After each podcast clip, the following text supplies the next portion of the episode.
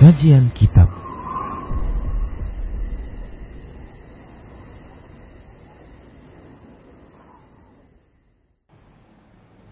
Bismillah, Assalamualaikum warahmatullahi wabarakatuh.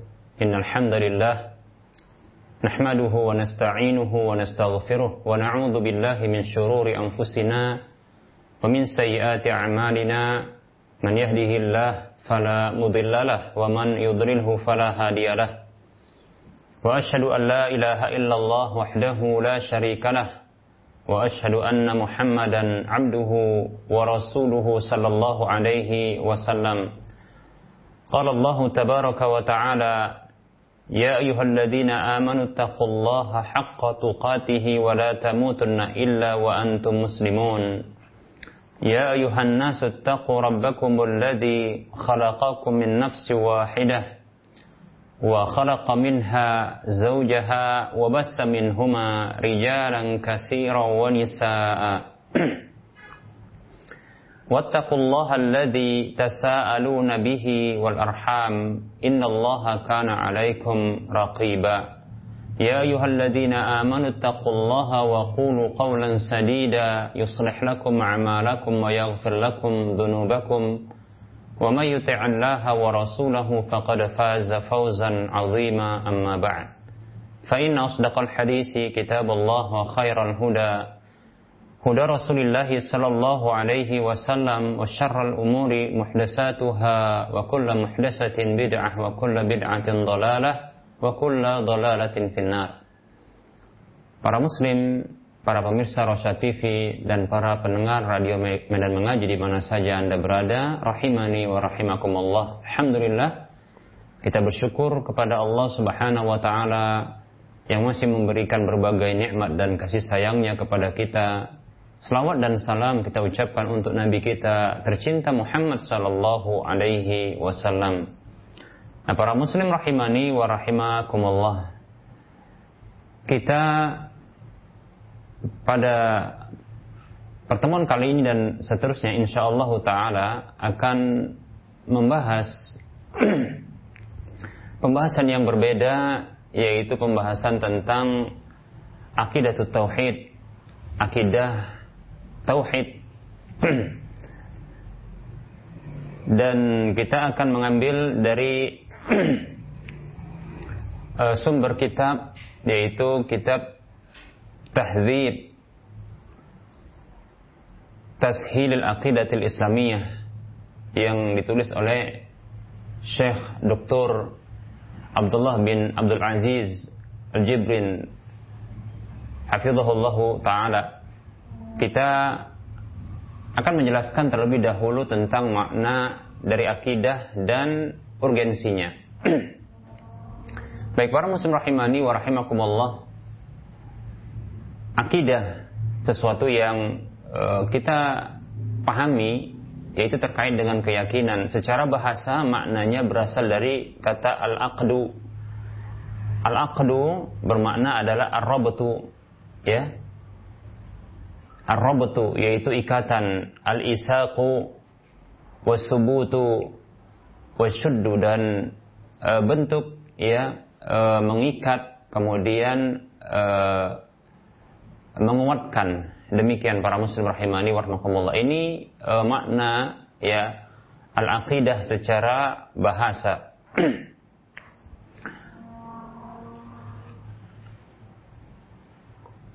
Secara istilah maksud dari akidah adalah al-imanul jazim billahi ta'ala wa bima yajibu lahu min at-tauhid wal imani bi malaikatihi wa kutubihi wa rusulihi wal yaumil akhiri wal yatafarra'u an hadhihi al usuli wa yulhaqu biha mimma huwa min usuliddin. Secara istilah maksud dari akidah adalah beriman yaitu keimanan yang pasti kepada Allah Subhanahu wa taala dan kepada apa saja yang wajib bagi Allah Subhanahu wa taala berupa tauhid serta beriman kepada para malaikatnya, kitab-kitabnya, rasul-rasulnya, dan hari akhir serta beriman kepada takdir baik maupun buruknya. dan beriman juga kepada apa saja yang merupakan cabang dari prinsip ini dan disusulkan kepada itu dari apa saja yang berasal dari prinsip-prinsip dasar agama ini. Nah, para muslim rahimani warahmatullah, ini makna akidah secara istilah. Cakupannya lebih luas. Baik para muslim rahimani warahmatullah, Tentunya dimaksudkan dengan akidah di sini adalah akidah yang benar, bukan akidah yang rusak, bukan akidah yang batil. Nah, perlu kita ketahui bahwasanya para muslim rahimani wa.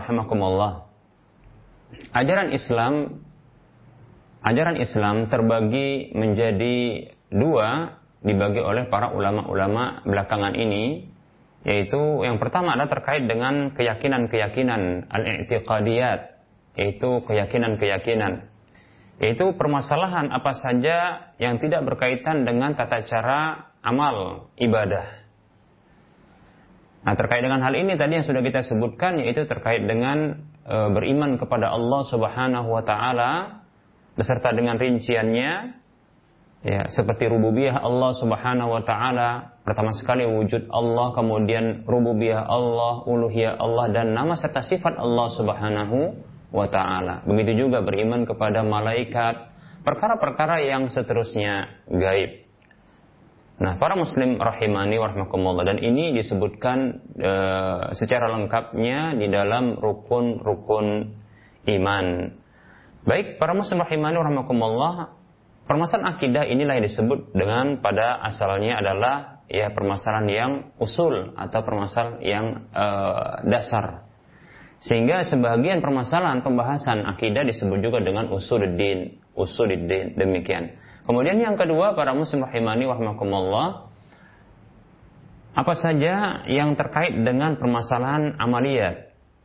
Amaliyat yaitu apa saja yang berkaitan dengan tata cara ibadah seperti uh, toharoh, solat, kemudian zakat, puasa dan seluruh dari hukum-hukum Islam yang terkait dengan amal. Nah ini disebut dengan furu' cabang, ya. Cabang. Demikian para muslim rahimani wa rahimakumullah. Jadi permasalahan-permasalahan uh, i'tiqad atau akidah ini hukum asalnya. Pada asalnya dia adalah permasalahan usul, prinsip. Walaupun ada juga permasalahan-permasalahan uh, akidah yang dia eh, memiliki cabangnya ya memiliki cabangnya. Demikian para muslim rahimani rahimakumullah oleh karenanya uh, ada sebagian dari permasalahan akidah yang para salaf dahulu pun mereka sudah berbeda pendapat walaupun tidak di semua permasalahan cabang ini sedikit di antara contohnya adalah apakah Allah uh, apakah Allah Subhanahu wa taala tatkala Nabi Shallallahu alaihi wasallam uh, Isra Mi'raj itu dilihat oleh Nabi Shallallahu Alaihi Wasallam. Nah ini permasalahan cabang dari permasalahan akidah. Demikian para muslim rahimani wa rahimakumullah. Dan pada umumnya adalah permasalahan-permasalahan uh, ibadah yaitu fikih ibadah adalah termasuk permasalahan-permasalahan yang bersifat uh, furu' bersifat furu'. Namun Bukan tidak ada permasalahan yang prinsip dalam masalah ibadah. Karena sesungguhnya ya dalam ibadah itu ada usulnya juga, ada prinsipnya demikian. Seperti contohnya ya rukun-rukun e, Islam ya. Seperti sholat, zakat, ya haji dan puasa. E, ini semuanya tentunya hukumnya adalah wajib dan sepakat para ulama ya. E, di antaranya seperti jumlah uh, rakaat sholat, ya sholat sholat fardu yang berjumlah lima itu. Begitu juga tentang hukum hukum rukun-rukun Islam yang lainnya. Maka ini termasuk bagian dari prinsip usul di dalam agama kita. Demikian para muslim rahimani wa rahimakumullah. Pembagian ini sesungguhnya uh, untuk memudahkan bagi pemula untuk uh, memahaminya. Demikian para muslim rahimani wa rahimakumullah. Akidah yang dimaksudkan dalam pembahasan kita ini seperti yang kita nyatakan tadi adalah akidah Islam akidah yang mengeluarkan dari kebatilan-kebatilan, akidah yang mengeluarkan dari perkara-perkara yang rusak. Ya, jadi bukan akidah yang batil dan bukan akidah yang rusak. Ketika kita diwajibkan untuk berakidah, maka akidah yang dimaksud adalah akidah yang sahihah, akidah yang benar, akidah Islam. Nah, para muslim rahimani warahmatullah sesungguhnya ya eh, akidah yang benar adalah perkara yang penting dalam ajaran agama kita ini. Sesuatu yang sangat mendasar. Oleh karenanya rukun Islam ya rukun Islam yang pertama sekali eh, pertama sekali terkait dengan eh, syahadat itu syahadat itu terkait dengan permasalahan akidah ya asyhadu an la ilaha illallah wa asyhadu anna muhammadar rasulullah aku bersaksi bahwasanya tidak ada sesembahan yang berhak disembah kecuali Allah dan aku bersaksi bahwasanya Muhammad sallallahu alaihi wasallam adalah hamba dan utusan Allah terkait dengan masalah akidah. Demikian para muslim rahimani wa rahimakumullah. Perkara asas, perkara yang paling mendasar yang di atasnya dibangun semua amal. Oleh karenanya kita dapatkan setelah rukun Islam yang pertama, maka baru yang kedua dan seterusnya ini terkait dengan amal-amal zahir. Baik para muslim rahimani wa rahimakumullah. Apa urgensi dari akidah yang sahihah? Baik para muslim rahimani wa rahimakumullah. Sesungguhnya kebenaran dari amal-amal fisik itu bergantung dari kebenaran sesuatu yang diyakini di dalam hati seseorang. Karena hati itu bagaikan panglima bagi rakyatnya. Karena sesungguhnya hati ya terhadap uh, seluruh anggota badan itu bagaikan panglima bagi rakyatnya. Demikian para muslim rahimani wa rahimakumullah. Maka apabila baik ya panglima tersebut ya maka ini akan menghantarkan kebaikan kepada rakyatnya. Pemimpin ini baik maka akan menghasilkan kebaikan pada rakyatnya. Demikian para muslim rahimani wa rahimakumullah. Nabi kita Muhammad sallallahu alaihi wasallam sendiri telah mengisyaratkan hal tersebut. Beliau sallallahu alaihi wasallam bersabda ala ala inna fil jasadi mudghatan idza salahat salahal jasadu kulluhu wa idza fasadat fasadal jasadu kulluhu ala wahyal qalbu Ketahui sesungguhnya di dalam raga manusia ada segumpal daging yang apabila dia baik maka baik seluruh raga tersebut. Namun apabila dia buruk maka buruk seluruh raga tersebut. Ala ketahui wahyal qalbu dia adalah al qalbu yaitu hati. Baik para muslim hadis ini hadis riwayat Bukhari dan Muslim. Nabi Shallallahu Alaihi Wasallam menjadikan baik dan buruknya raga tersebut, fisik tersebut, jasad tersebut, ya dari manusia ini bergantung dengan kebaikan dan keburukan dari hati. Nah, para muslim rahimani wa rahimakumullah. Nah, sehingga untuk kebaikan dari raga dan untuk menghasilkan perbuatan-perbuatan yang baik, maka penting bagi kita untuk memberikan akidah, akidah yang yang baik. Para muslim rahimani wa rahimakumullah. Nabi kita sendiri sebagai utusan Allah Subhanahu wa taala yang Allah Subhanahu wa taala tentunya adalah zat yang menciptakan manusia menciptakan jiwa dan raga manusia tentunya mengetahui ya mengetahui apa yang terbaik bagi manusia. Sehingga Allah Subhanahu wa taala memerintahkan kepada rasul-rasulnya termasuk rasul kita Nabi Muhammad sallallahu alaihi wasallam untuk memperbaiki hati terlebih dahulu. Kita mengetahui Nabi kita Muhammad sallallahu alaihi wasallam beliau selama di Mekah 13 tahun memulai dakwah beliau itu dengan perbaikan kepada akidah. Ya, perbaikan akidah. Demikian para muslim rahimani wa. Dan itu atas perintah Allah Subhanahu wa taala. Allah Subhanahu wa taala berfirman secara umum di dalam surah An-Nahl ayat 36 Allah mengatakan a'udzu billahi minasyaitonir rajim wa laqad ba'atsna fi kulli ummatin rasula an i'budullaha wajtanibut dan sungguh kami telah utus di setiap umat itu ada seorang rasul yang tugas mereka adalah an i'budullah mengajak manusia untuk menyembah Allah sembahlah Allah wajtanibut taghut dan jauhilah sesembahan-sesembahan selain Allah demikian. Membersihkan ya hati dari bentuk kotoran-kotoran hati, keyakinan-keyakinan yang menyimpang. Dan harus meyakini bahwa Allah Subhanahu wa taala zat satu-satunya yang berhak untuk diibadahi dan menjauhkan dan menghindarkan segala hal persembahan kepada selain Allah Subhanahu wa taala. Demikian Para muslim rahimani wa rahimakumullah. Akidah yang benar, maka ini akan menghasilkan ya tindakan yang benar. Oleh karenanya untuk mendapatkan tindakan yang benar dibutuhkan akidah yang benar.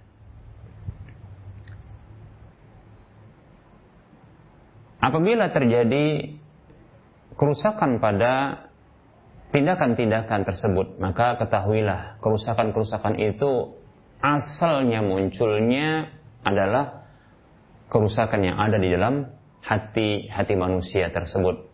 Demikian para muslim rahimani wa rahimakumullah. Oleh karenanya Allah Subhanahu wa taala memerintahkan para nabi dan rasulnya untuk terlebih dahulu memulai perbaikan akidah, membenahi akidah, meluruskan akidah. Ya, menanamkan akidah ke dalam jiwa-jiwa manusia, ke dalam hati-hati mereka. Demikian. Ya, menjelaskan kepada mereka akidah yang benar kepada manusia.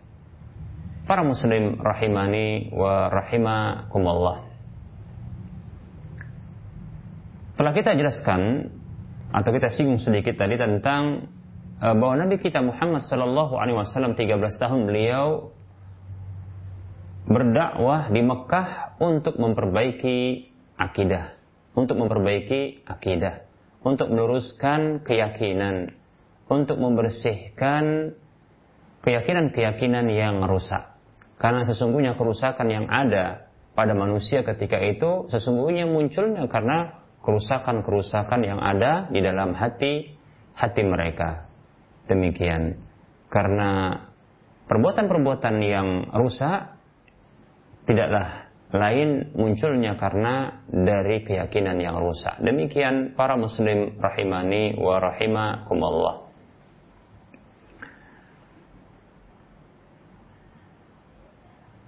Lebih-lebih para muslim rahimani wa rahimakumullah Allah subhanahu wa ta'ala tidak akan menerima perbuatan-perbuatan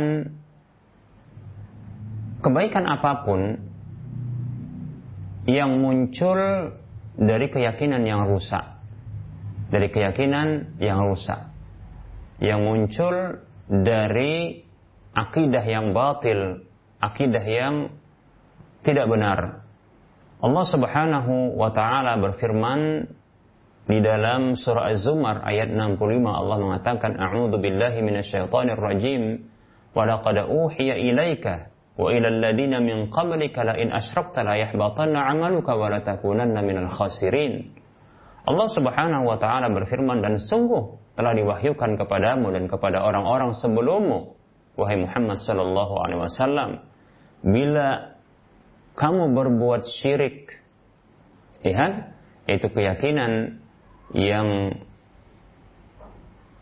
menghasilkan perbuatan ya kesyirikan dan ini merupakan kotoran dari keyakinan ya kesyirikan la yahbatanna amaluka maka akan batal amalmu wala takunanna minal khasirin dan sungguh benar-benar engkau termasuk, kamu termasuk orang-orang yang merugi. Baik para muslim rahimani wa rahimakumullah. Bukan saja keyakinan yang rusak ini akan menghasilkan perbuatan yang rusak. Bahkan keyakinan yang rusak ini mengakibatkan ya tidak diterimanya tidak diterimanya sebuah amalan. Bahkan semua amal tidak akan diterima. Ya. Demikian. Allah Subhanahu wa taala ya akan menolak semua amal-amal walaupun itu dinilai baik oleh manusia. Demikian para muslim rahimani warahmatullah. Bahkan ya ancaman seperti ini diarahkan kepada hamba-hamba pilihan Allah Subhanahu wa taala itu para nabi dan rasul yang sesungguhnya mereka tidak akan pernah berlaku demikian. Tidak akan pernah melakukan hal demikian.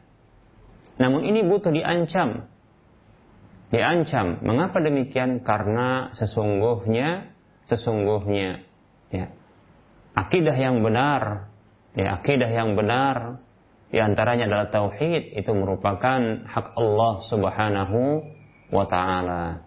Karena peribadahan hanya kepada Allah Subhanahu wa taala tanpa ada keyakinan-keyakinan yang rusak, ya, maka para muslim rahimani rahimakumullah ini adalah hak Allah Subhanahu wa taala. Rasulullah Shallallahu Alaihi Wasallam sendiri mengatakan hakullahi alal ibadi ayya'buduhu wa la yushriku bihi syai'a. Hak Allah atas hamba-hambanya adalah mereka para hamba tersebut beribadah kepada Allah Subhanahu wa taala tanpa berbuat syirik sedikit sedikit pun kepada kepadanya. Demikian para muslim rahimani wa rahimakumullah. Nah kesyirikan adalah kotoran hati, kotoran keyakinan, hama bagi hati dan iman seseorang, keyakinan seseorang. Dia akan menggerogoti, bahkan akan menghancurkan amal. Ya, bukan hanya merusak hati, bahkan akan menghancurkan amal seseorang.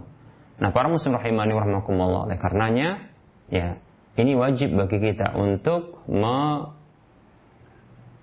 uh, mempelajari akidah yang benar agar menjadikan hati kita bersih bersih dari kotoran bersih dari najis-najis ya bersih dari hama-hama keyakinan nah para muslim rahimani wa rahimakumullah nah untuk bertemu dengan Allah Subhanahu wa taala maka dibutuhkan hal seperti ini. Allah Subhanahu wa taala berfirman dalam surah Al-Kahfi ayat 110 Allah mengatakan, "A'udzu billahi minasyaitonir rajim. Faman kana yarju liqa'a rabbih falyamal 'amalan wa la yusyrik bi'ibadati rabbih ahada." Maka siapa saja yang mengharapkan pertemuan dengan Rabbnya dalam kondisi Allah Subhanahu wa taala tentunya meridainya, membalas amal-amalnya dengan balasan yang terbaik maka hendaklah dia beramal soleh dan tanpa berbuat syirik sedikit pun kepada Robnya tanpa tanpa berbuat syirik sedikit pun kepada Robnya. Demikian para muslim rahimani wa rahimakumullah. Baik para muslim rahimani wa rahimakumullah. Agama Islam adalah agama yang mengajarkan keyakinan yang lurus, keyakinan yang benar. Karena ini adalah agama yang lurus maka akan mengajarkan juga ya keyakinan yang benar, akidah yang benar, akidah yang lurus. Allah Subhanahu wa taala berfirman dalam surah Az-Zumar ayat 2 dan 3 Allah mengatakan A'udzu billahi minasyaitonir rajim fa'budillaha mukhlishan lahu din ala lillahi dinul khalis.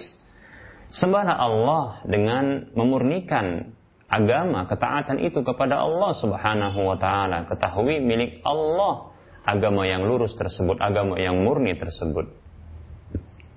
Nah, para muslim rahimani wa rahimakumullah. Ayat-ayat yang mulia ini yang telah kita sebutkan ini menunjukkan ya dan banyak ayat-ayat seperti ini menunjukkan ya bahwasanya amal-amal tidak akan diterima oleh Allah Subhanahu wa taala melainkan apabila amal tersebut harus bersih, murni, ya. dari segala bentuk kotoran-kotoran keyakinan, ya, dari segala bentuk kesyirikan. Nah, baik para muslim rahimani wa rahimakumullah. Nah, bahkan inilah yang menjadi perhatian para nabi dan para rasul dan ini tugas yang Allah Subhanahu wa taala embankan kepada para nabi dan para rasul. Itu memperbaiki akidah pertama sekali, kemudian ya menjadikan perbaikan akidah ini adalah pertama sekali dalam tugas Allah Subhanahu wa taala ya memerintahkan hal tersebut kepada para rasulnya. Dalam surah An-Nahl ayat 36 tadi sudah kita sebutkan Allah berfirman a'udzu billahi minasyaitonir rajim wa laqad ba'atsna fi kulli ummatin rasula an i'budullaha wajtanibut taghut ya dan sungguh kami telah utus di setiap umat itu ada seorang rasul yang tugas mereka adalah mengajak manusia beribadah hanya kepada Allah semata dan jauhilah tauhid sesembahan apa saja disembah selain Allah Subhanahu wa taala. Nah, ini ini yang pertama sekali yang diembankan ditugaskan oleh Allah Subhanahu wa taala kepada para nabi dan rasulnya. Demikian para muslim rahimani rahimakumullah. Dari setiap zaman ke zaman demikian. Bahkan nabi kita juga demikian para muslim rahimani wa rahimakumullah. Allah Subhanahu wa taala utus beliau ya, di usia yang ke-40 dengan menurunkan surah Iqra. Mengangkat beliau menjadi nabi, kemudian beberapa uh, bulan berikutnya baru Allah Subhanahu wa taala mengangkat beliau menjadi rasul dengan menurunkan surah Al-Mudassir kepada beliau. Ayat 1 sampai 5 Allah Subhanahu wa taala berfirman, "A'udzu billahi minasyaitonir rajim. Ya ayyuhal mudassir qum fa'andir wa rabbaka fakabbir wa siyabaka fatahhir wa rujza fahjur." Allah Subhanahu wa taala berfirman, "Ya ayyuhal muddatsir, wahai orang yang berselimut, qum fa'andir, qum fa'andir." Bangkitlah dan berikan peringatan.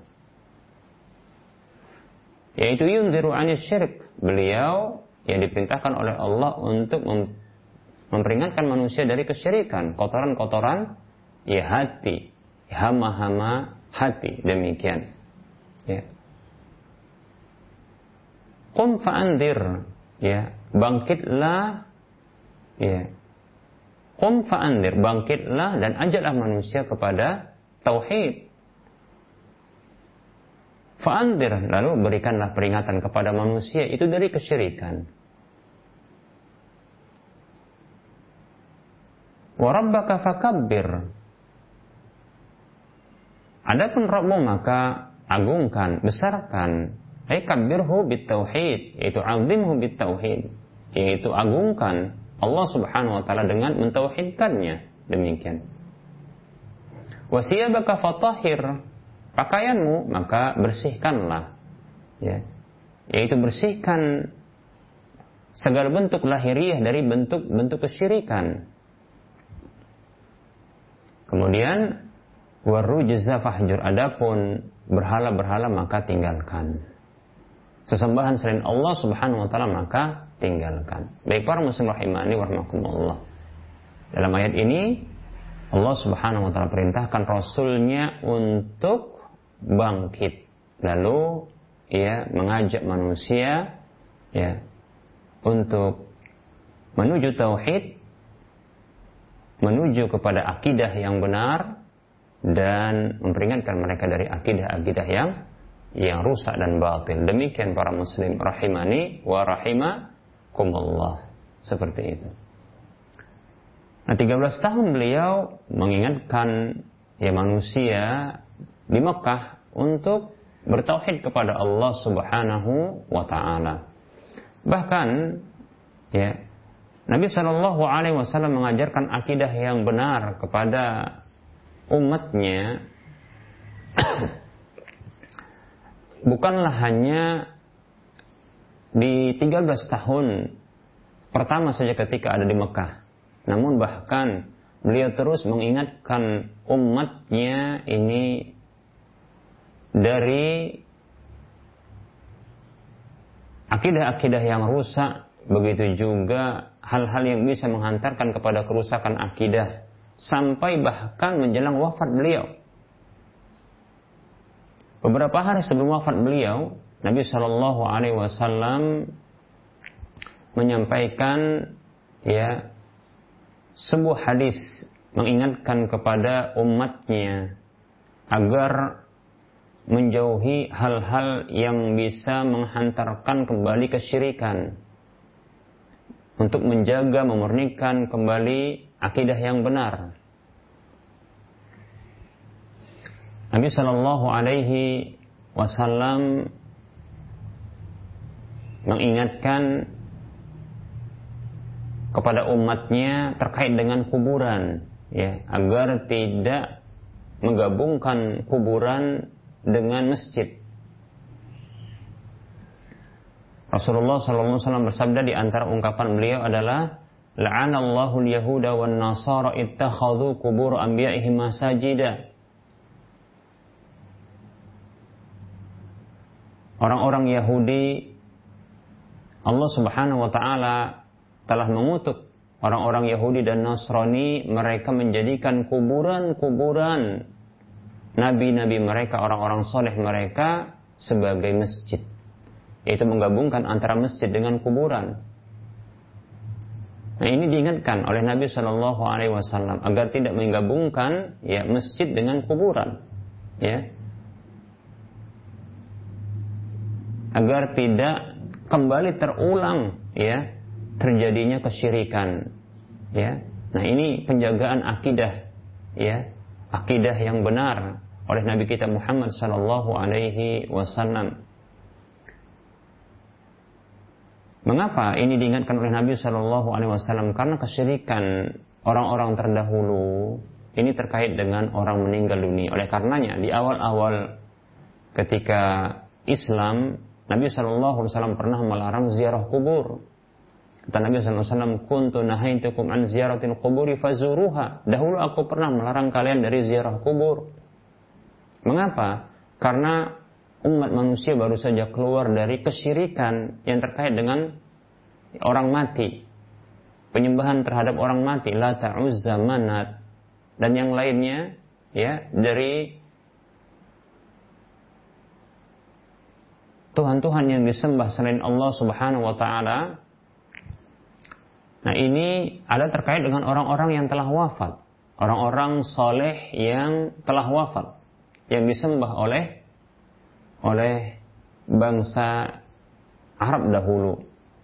Oleh karenanya Nabi Wasallam di awal-awal Islam beliau melarang berziarah kubur karena beliau khawatir ya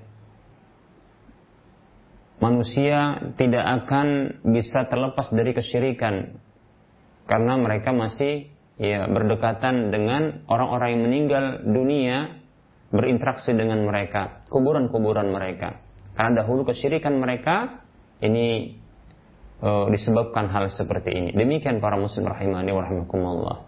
Nah, ini juga yang diingatkan oleh Nabi Shallallahu alaihi wasallam ya, menjelang wafat beliau terkait dengan kuburan ya orang-orang yang telah wafat.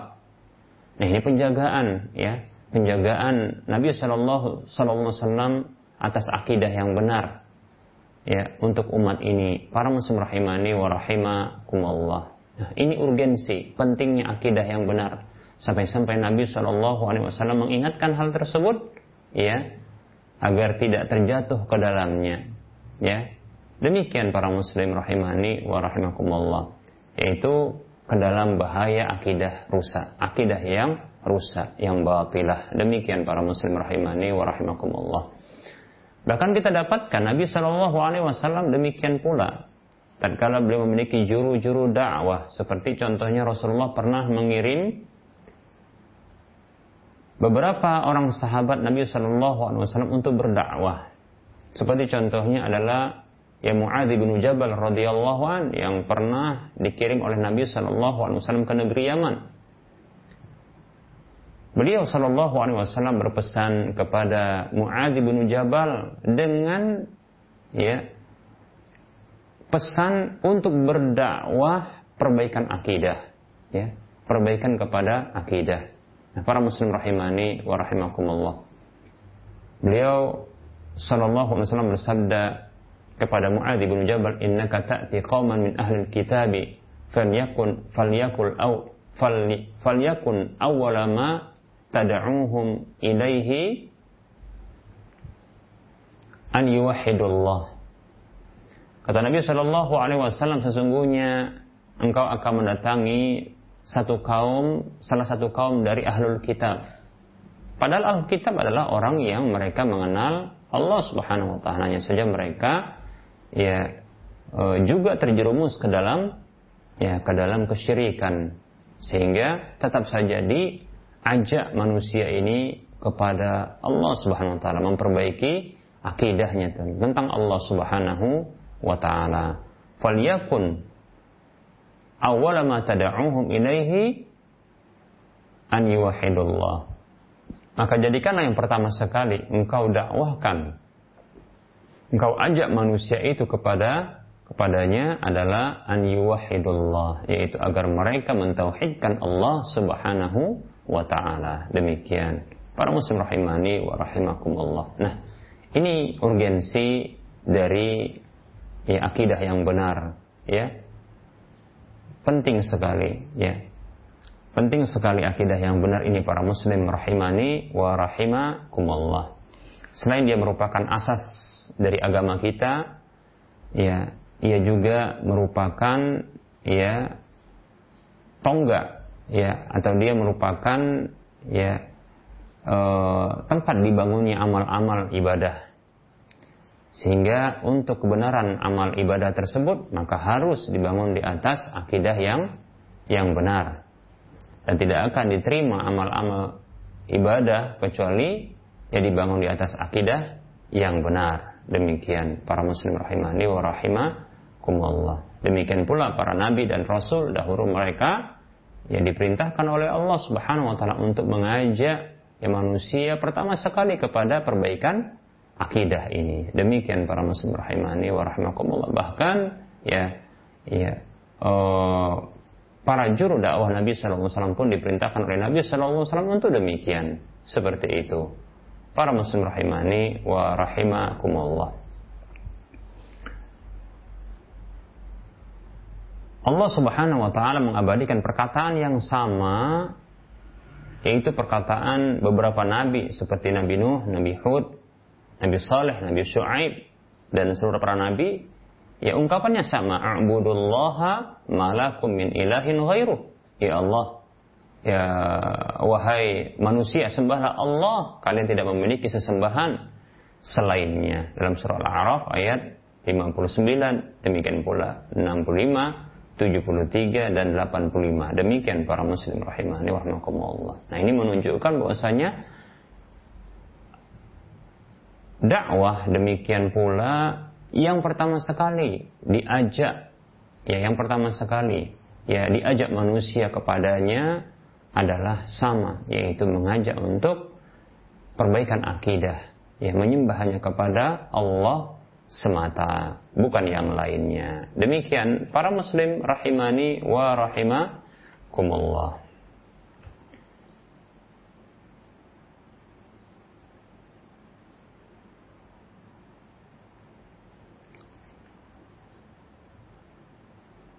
Baik para muslim rahimani wa rahimakumullah.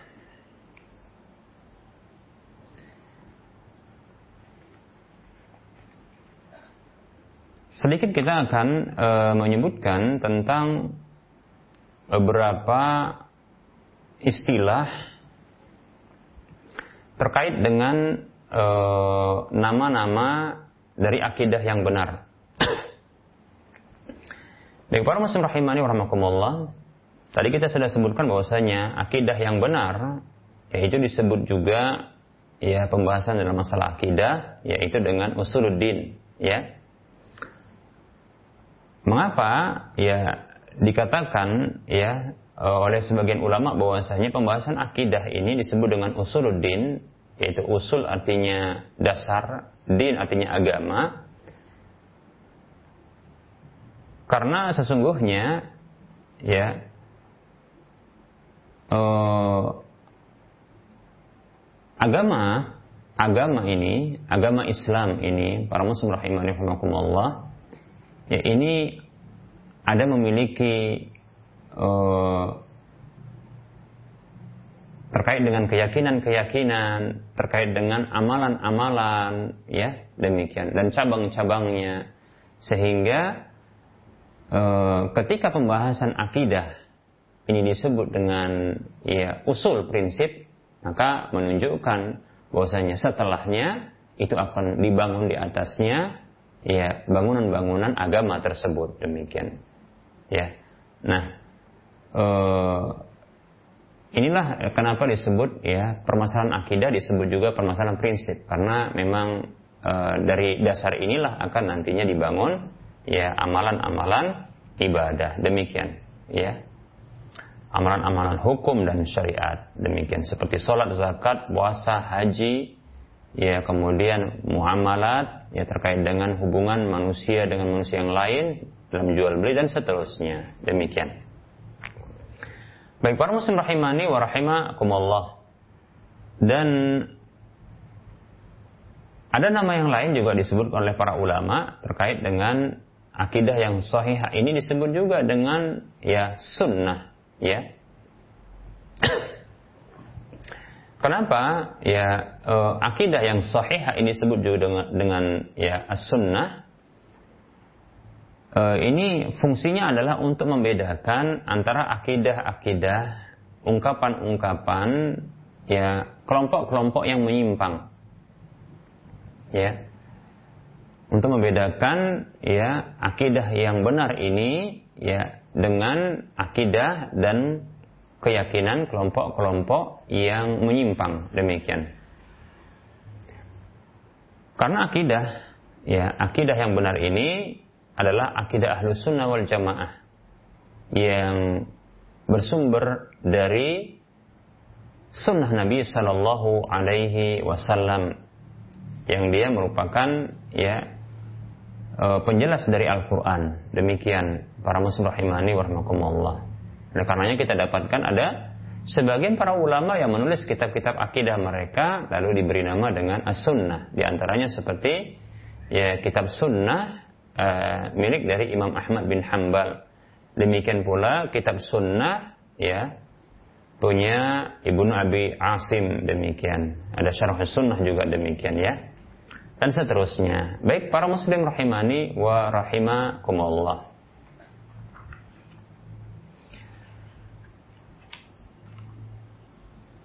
Sebagian ulama juga ada menamakan ya uh, akidah ini dengan nama al-fiqhul akbar ya dengan al-fiqhul akbar.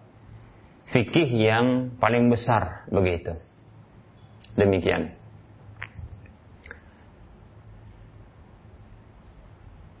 Mengapa dikatakan uh, akidah ini permasalahan akidah disebut dengan fikih akbar? Ya karena sesungguhnya ya memahami agama ya itu disebut dengan fikih. Jadi agama keseluruhan itu ya itu disebut dengan fikih ya. Seperti contohnya sabda Nabi Shallallahu Alaihi Wasallam yang beliau eh, bersabda, "Man yuridillahu bihi khairan yufaqihu fid din." siapa saja yang Allah Subhanahu wa taala inginkan kebaikan pada kepadanya maka Allah Subhanahu wa taala yufaqihu fid din yaitu menjadikannya dia faqih fid din yaitu menjadi faqih yaitu orang yang faham yang mendalam ya dalam pemahaman agamanya. Demikian ya. Jadi orang yang paham agama itu disebut dengan faqih ya. Kemudian orang memahaminya, ya, yaitu pemahaman itu disebut dengan al-fiqhu demikian. Jadi memahami agama Islam itu al-fiqhu. Hanya saja ada yang paling besar, ya, yaitu permasalahan-permasalahan prinsip dan akidah. Itulah disebut, ya, uh, al-fiqhul akbar. Oleh karenanya itu yang menyebabkan para ulama menyebutkan dengan al-fiqhul akbar.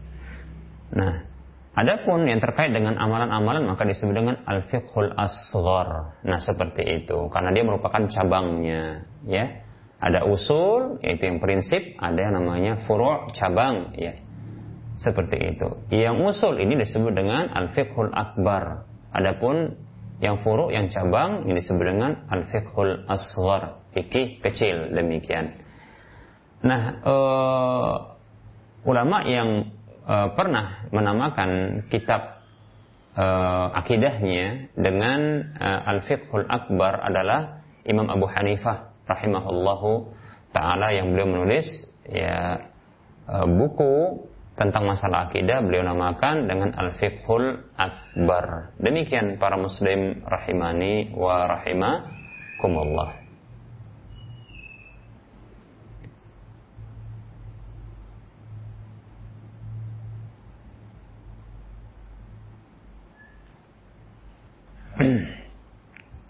Baik para muslim rahimani wa rahimakumullah, uh, kita akan lanjutkan.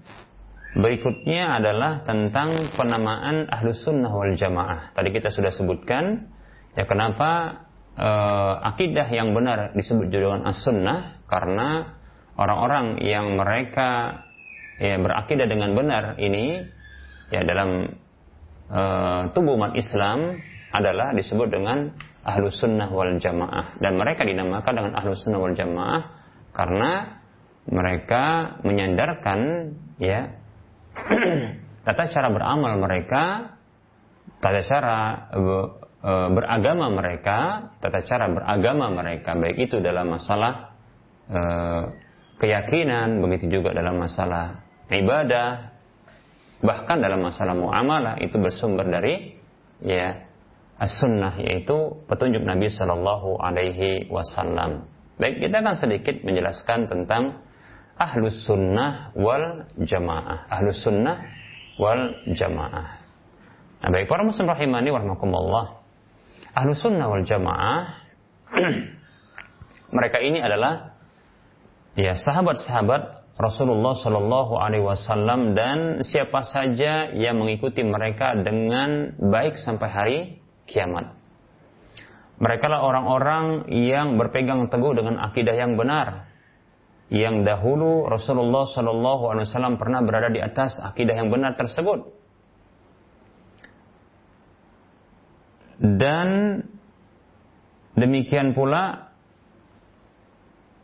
para sahabat Rasulullah Shallallahu Alaihi Wasallam berada di atasnya.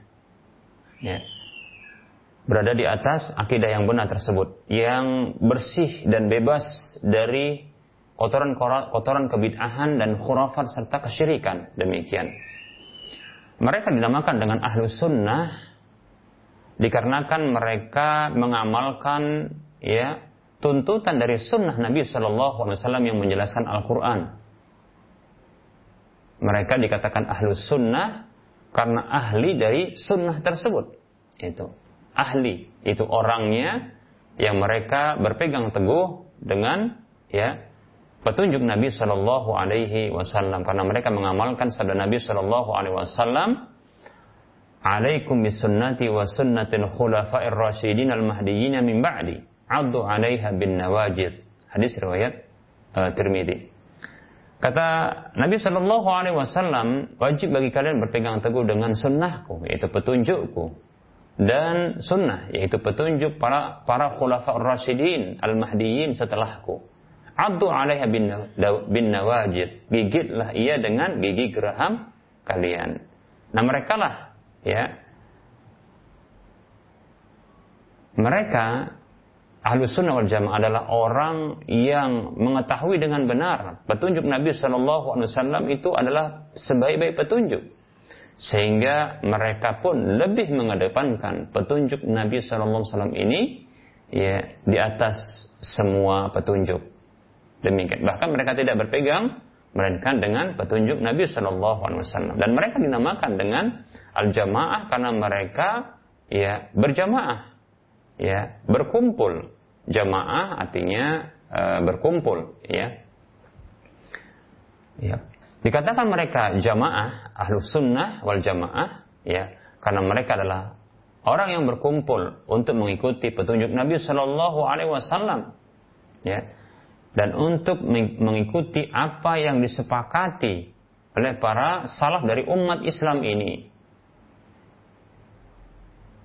Mereka dikatakan jamaah karena mereka berkumpul di atas kebenaran dan apa saja yang dibawa oleh Nabi SAW adalah kebenaran. Demikian pula yang diikuti oleh para salaf dari umat ini yaitu sahabat-sahabat Nabi Shallallahu Alaihi Wasallam dan orang-orang yang mengikuti mereka dengan baik demikian. Mereka dikatakan jamaah karena mereka adalah orang yang berkumpul di atas akidah Islam yang jauh dari kotoran-kotoran, kotoran-kotoran keyakinan. Ya, demikian para muslim rahimani wa rahimakumullah.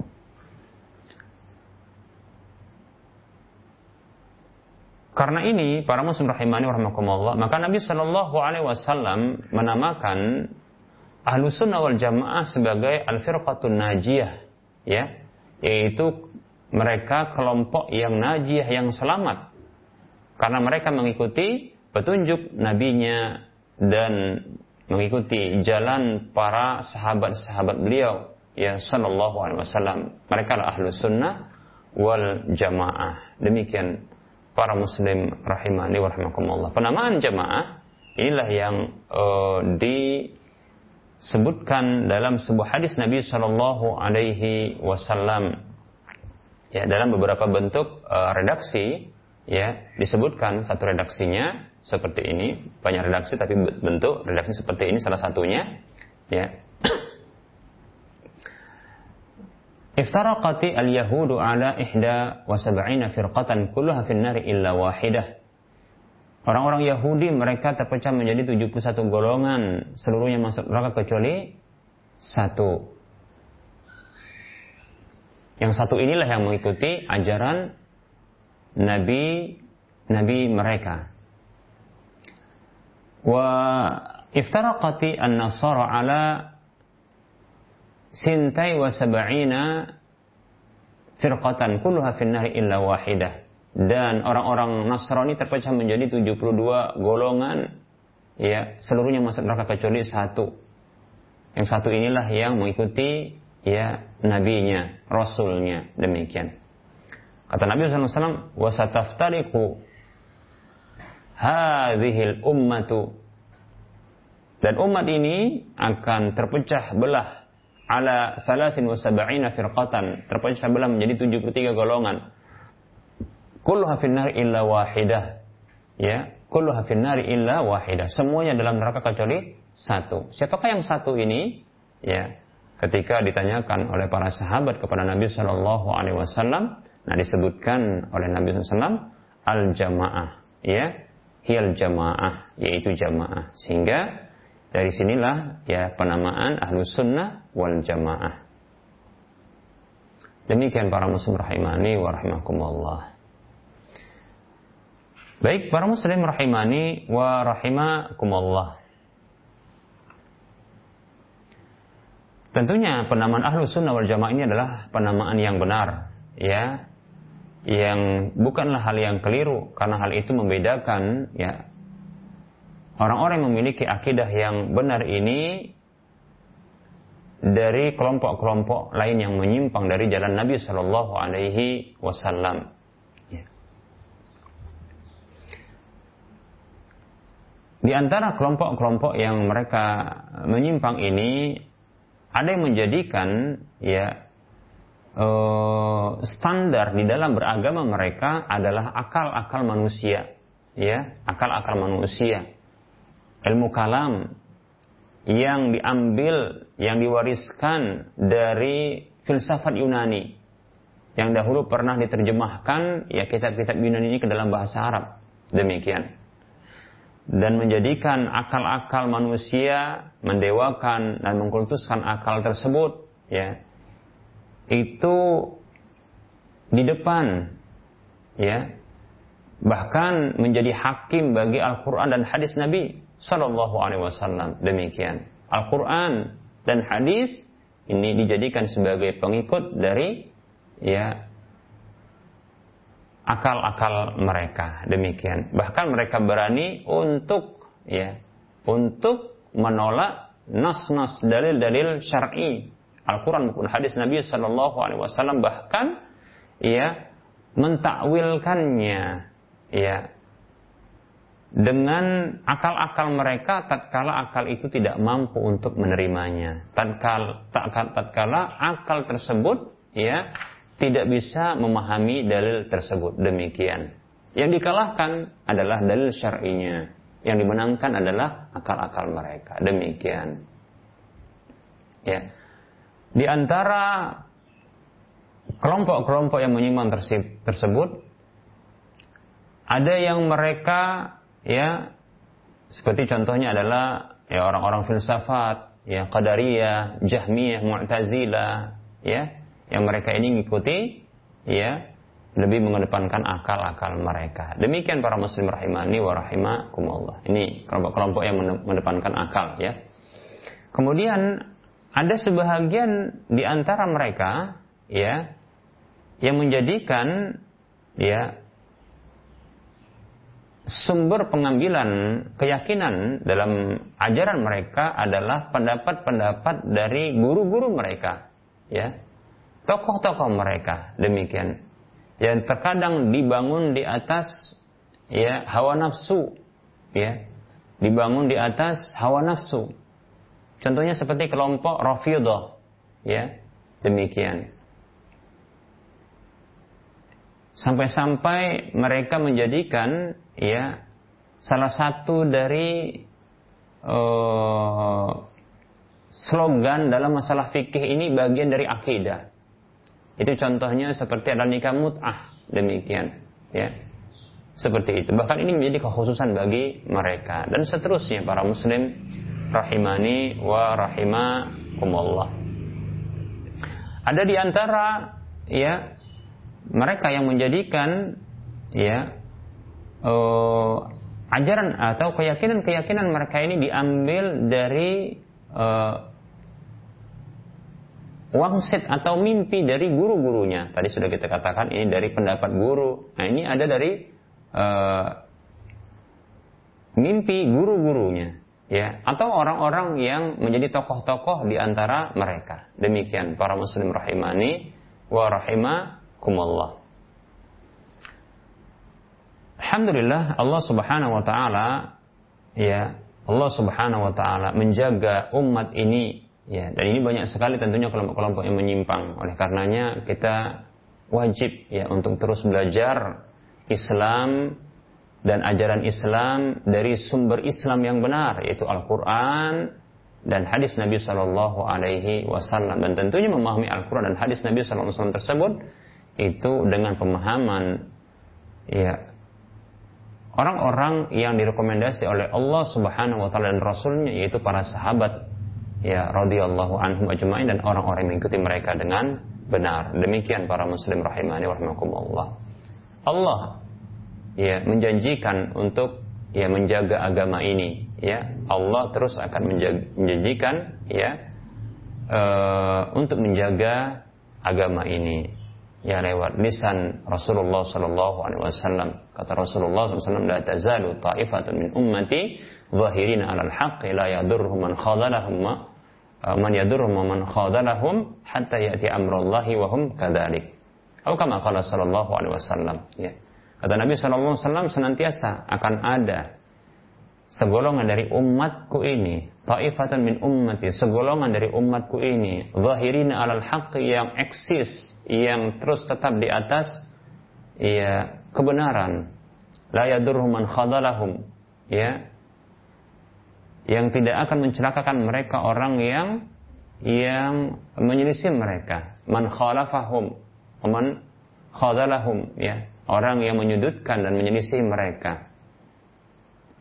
Sampai datang urusan Allah Subhanahu wa taala ketetapan Allah atas mereka wahum kadzalik dalam kondisi mereka seperti itu yaitu tetap di atas kebenaran. Semoga Allah Subhanahu wa taala menjadikan kita sebagai ya umat Nabi Muhammad sallallahu alaihi wasallam yang terus eksis di atas kebenaran yang terus berada di atas kebenaran ya sampai Allah Subhanahu wa taala mewafatkan kita. Demikian para muslim rahimani wa rahimakumullah.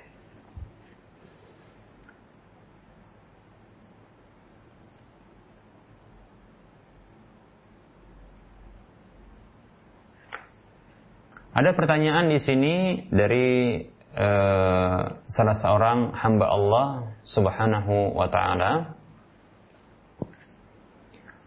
Pertanyaannya bagaimana bagi umat Islam yang hanya taklid? Maaf dari hamba Allah di Merauke. Baik, ya. Ada pertanyaan dari saudara kita, semoga Allah Subhanahu wa taala ya uh, yang bertanya tentang bagi umat Islam yang hanya taklid. Baik, uh, Bapak Ibu sekalian rahimani warahmatullah, para muslim rahimani warahmatullah. Tentunya uh, taklid itu ada dua, ya. Taklid itu ada dua. Yang pertama adalah ya taklid yang dia terpuji. Yang kedua adalah taklid taklid yang dia adalah tercela ya taklid artinya dari kata qallada yuqallidu taklidan ya yaitu taklidan arti taklid artinya adalah e, menggantungkan sesuatu atau mengikatkan sesuatu ke leher. Demikian ya. Kemudian nanti akan di e, ditarik begitu ya. Ja'lu syai'i muqalladan. Menjadikan sesuatu dia menjadi satu yang terikat. Demikian. Itu disebut dengan taklid ya. Nah taklid ini ya ada yang terpuji ada yang tercela taklid yang terpuji adalah ketika ya mengikatkan diri kita kepada dalil ya mengikatkan diri kita kepada dalil demikian mengikatkan diri kita kepada dalil. Seperti itu.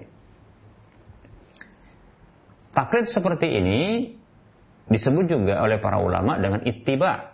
Ya. Karena sesungguhnya ya yang diikuti adalah dalil. Demikian. Apa itu dalil? Itulah dia sumber hukum dari Al-Quran maupun hadis Nabi Sallallahu Alaihi Wasallam. Demikian. Ya. Seperti itu. itu taklid yang benar. Atau taklid yang benar adalah ya mengikuti atau taklid yang terpuji adalah mengikuti seseorang ya dengan persangkaan dia itu berdasarkan dalil. Nah, demikian, ya. Perkataannya itu berdasarkan dalil. Ittiba'u qaulil uh, qaulil ghair bidalil ya yaitu e, mengikuti pendapat orang lain berdasarkan dalil demikian nah ini juga ya taklid yang benar. Walaupun ya para ulama tidak menyebutkan dengan taklid. Ya lebih tepat disebut dengan ittiba. Hanya saja yang seperti ini dia terpuji. Taklid yang terpuji. Karena yang diikuti sesungguhnya adalah dalil. Demikian. Ya, yang diikuti adalah ya dalil. Dan dalil itu adalah standar kebenaran. Ya ma'rifatul haqqi bidalilihi. Ya Meng, e, mengenal ya karena ilmu itu adalah mengenal kebenaran dengan dalilnya kebenaran tidak akan menjadi benar kecuali dengan dalil karena dalil itu standarnya adalah Al-Qur'an dan hadis Nabi Shallallahu alaihi wasallam itu sumber kebenaran demikian ya seperti itu dan memang kita tidak boleh ya untuk mengikuti selain kebenaran. Wajib bagi kita untuk mengikuti ya kebenaran, ya seperti itu. Allah Subhanahu wa taala uh, berfirman dalam surah uh, Al-Isra ayat 36 ya. A'udzu billahi minasyaitonir rajim. Ma laysa laka bihi ilm innas sam'a wal basara wal fuada kullu ulaika kana anhu mas'ula. Kata Allah Subhanahu wa taala, janganlah kalian mengikuti janganlah kamu mengikuti sesuatu yang kamu tidak tahu tentangnya. Ya. Janganlah kamu mengikuti sesuatu yang kamu tidak ketahui tentang ilmunya. Ya, ilmunya yaitu ilmu tadi tentunya adalah di, diketahui dengan dalil seperti itu ya. Karena ilmu itu ma'rifatul haqqi bidalilihi, mengetahui kebenaran dengan dalilnya. Demikian, ya.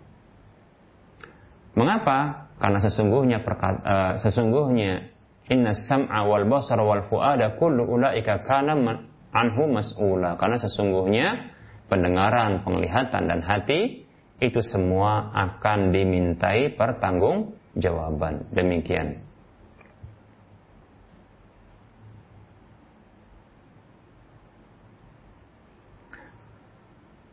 Baik, ya, para muslim rahimani wa rahimakumullah. Nah, ini dia eh, taklid jenis yang pertama. Oleh karenanya juga Allah Subhanahu wa taala memerintahkan kita untuk bertanya, fas'alu ahla dzikri in kuntum la ta'lamun. Ya, tanyalah kepada orang yang punya ilmunya ketika kamu tidak tahu. Ya, seperti itu.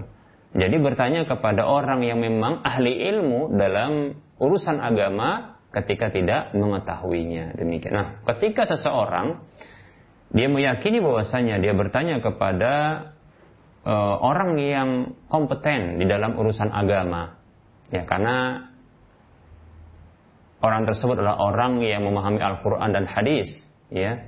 Lalu mengikuti perkataan dia dengan persangkaan kuat bahwasanya hasil pendapat dari perkataannya tersebut, ya, Ya, ini itu berasal dari Al-Quran dan hadis. Maka ketika itu ya taklid seperti ini adalah taklid yang terpuji. Demikian ya. Adapun eh, yang kedua adalah taklid yang tercela. Taklid yang tercela.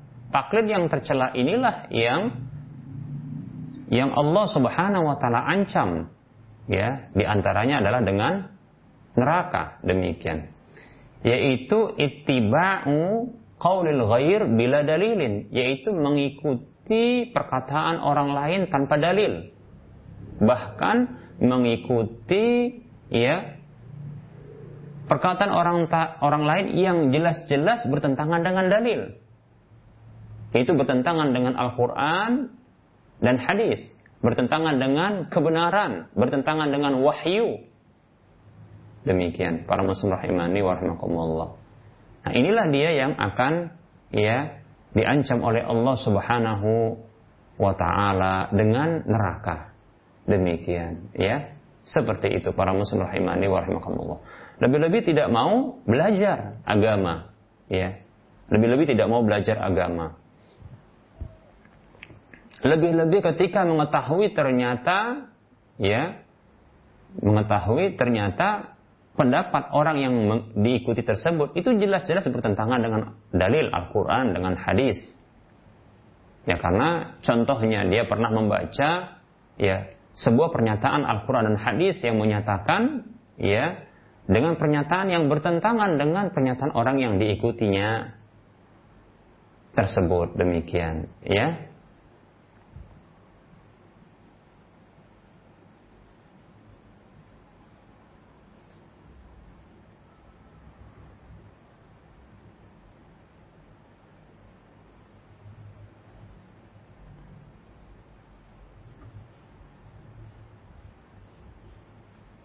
Allah Subhanahu wa taala berfirman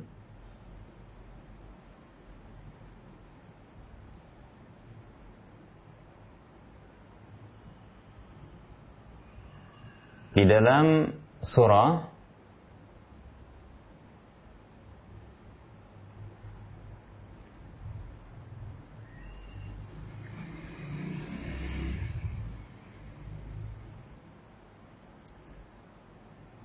yang disebutkan oleh Allah Subhanahu wa taala ya di dalam e, beberapa ayat tapi kita sebutkan dalam surah Luqman ayat 21 Allah mengatakan a'udzu billahi minasyaitonir rajim wa idza qila lahum ittabi'u ma anzalallahu qalu bal nattabi'u ma wajadna 'alaihi aba'ana awalau kana asyaitanu yad'uhum ila 'adzabis sa'ir. Allah berfirman dalam surah Luqman ayat 21 Apabila dikatakan kepada mereka, ikutilah apa yang Allah Subhanahu wa taala turunkan, yaitu wahyu. Ya, ikutilah yang Allah turunkan, yaitu wahyu.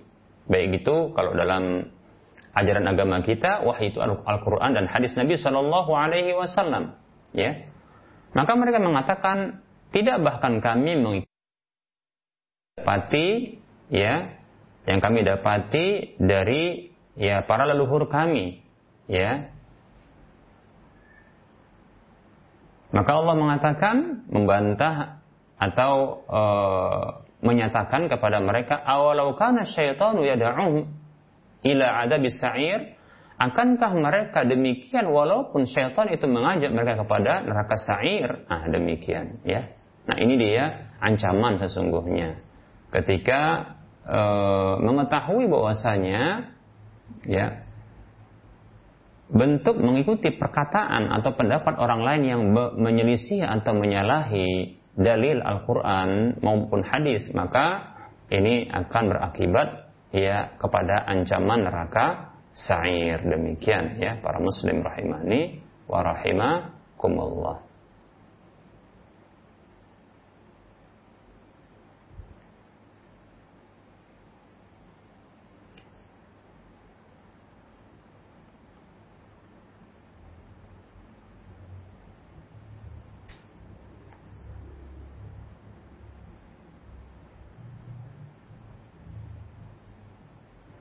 Baik, para muslim rahimani warahmatullah uh, kita cukupkan dulu penyampaian materi uh, dan menjawab pertanyaan karena uh, sudah satu jam lebih kita mengudara dan insya Allah taala kita akan lanjutkan pada waktu mendatang insya Allah taala. Mohon maaf atas segala kekurangan ya. Kebenaran itu datang dari Allah Subhanahu wa taala dan kesalahan serta kekeliruan itu datangnya dari uh, kekurangan pribadi dan bisikan syaitan kepada Allah. Saya mohon ampun kepada para pemirsa dan para pendengar sekalian. Saya mohon maaf. Wasallallahu ala Muhammad wa ala alihi wa ashabihi ajma'in. Subhanakallahumma bihamdika asyhadu an la ilaha illa anta astaghfiruka wa atubu ilaika walhamdulillahi rabbil alamin. Assalamualaikum warahmatullahi wabarakatuh